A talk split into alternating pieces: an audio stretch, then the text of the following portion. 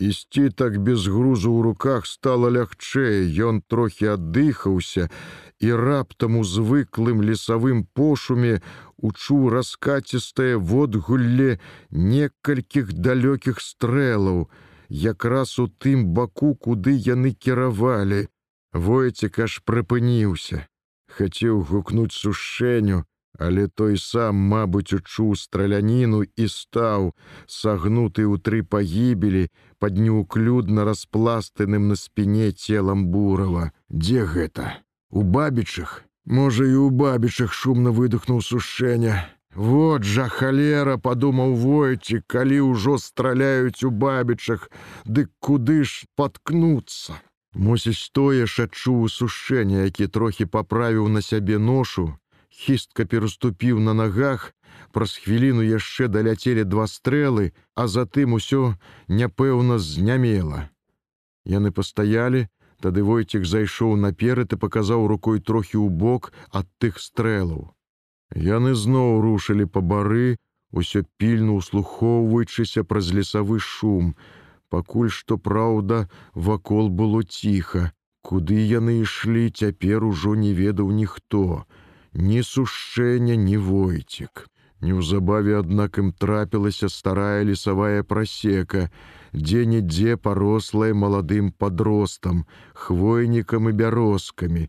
Дол тут слаўся пясчаны, і ісці па ім было цяжэй, чым па бары беламошніку, у пяску грузлі ногі сушэнне часта спыняўся, усё паддуючы на сябе цяжкое цела параненага, якое ўпарта спаўзала долу. Бураў спярша маўчаў, мо быў непрытомнасці, а пасля стаў надта стагнаць, і сушэнне спыніўся. Яны ашчадна паклалі бурава долу, Войцек сказаў заклапочана, зноў закрывяніў. Ён знямогла скінуў са сваіх плеч вінтоўкі і сеў, дзе стаяў, на сухі засыпаную ігліцую дол. Штось памеркаваўшы, сушэнне на гэты раз рашуша сцягнуў цераз галаву сваю чорную чыгуначную кашулю, хутенька скінуў нясвежую выцвелую ад старасці майку. Э, ўжо ні чарта не паможа, недаверліва сказаў войцік, тут ужо столькі нацякло.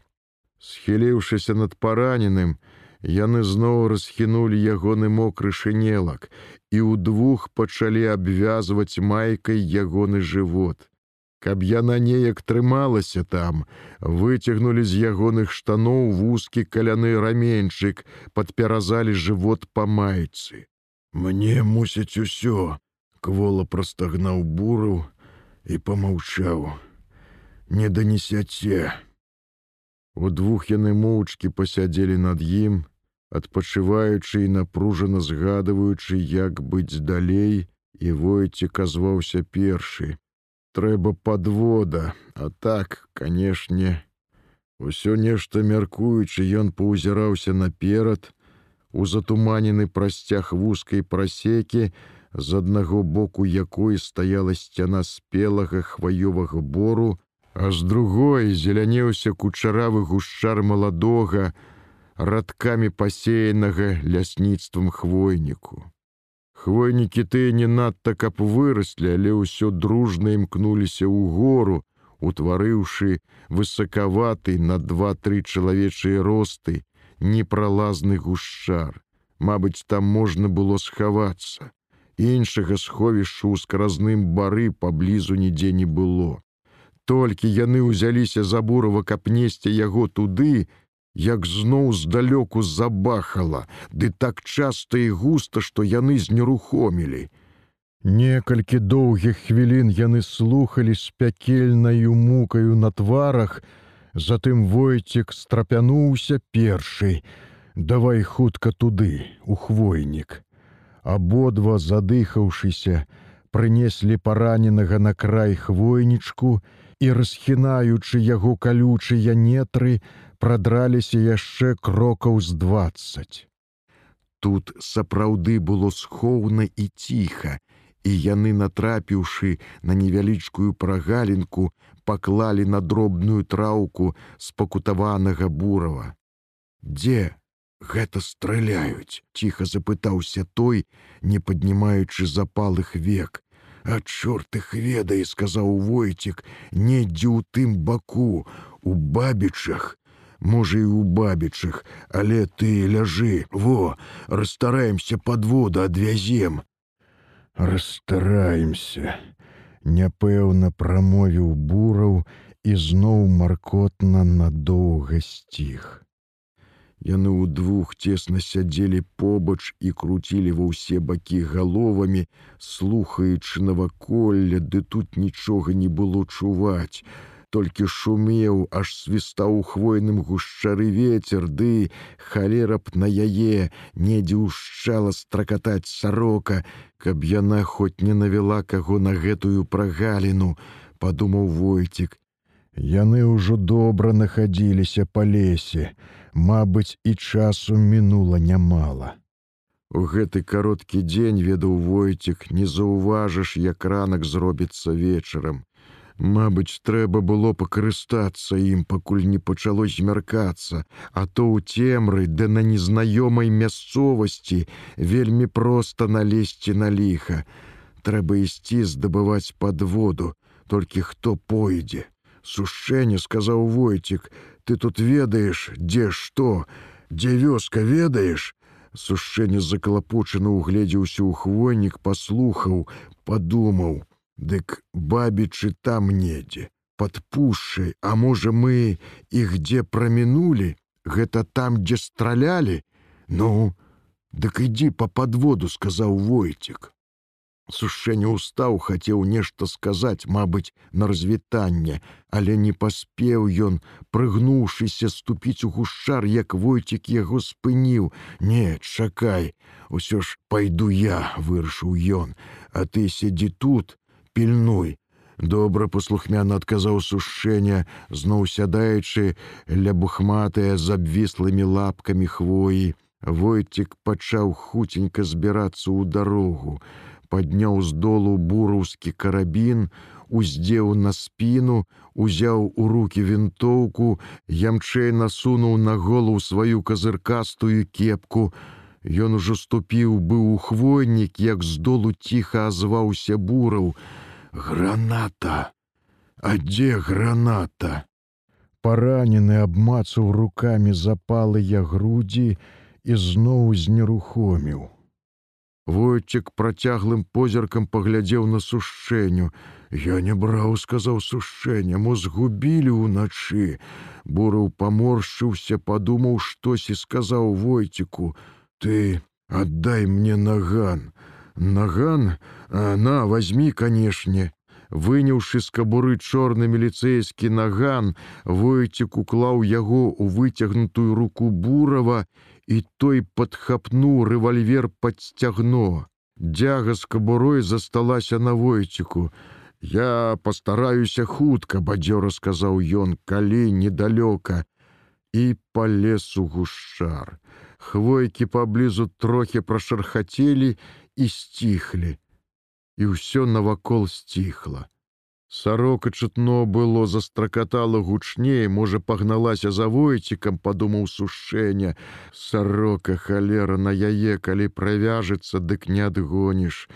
Вот так, выдохнуў цішыні буру, Чаму я цябе не стрэльну ў хаце?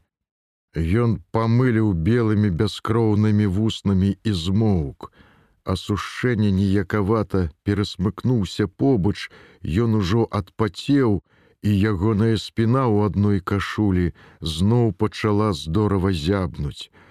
Стрэльнуў бы цябе, сам быў бы жывы здаровы. Як жа было у хаце не пагадзіўся сушэння, дзіця там, дзіця, А чаму ты не ўцёк сушэння? Запытаўся бураў і насцярожыўся поўны нямоглыя увагі. Сушэнне выдраў зямлі жмут травы, выбраў з яго даўжэйшую былку і разламаў яе напалам. Куды ж мне ўцякаць, а да немцаў? У немцаў я ўжо быў, во глядзі.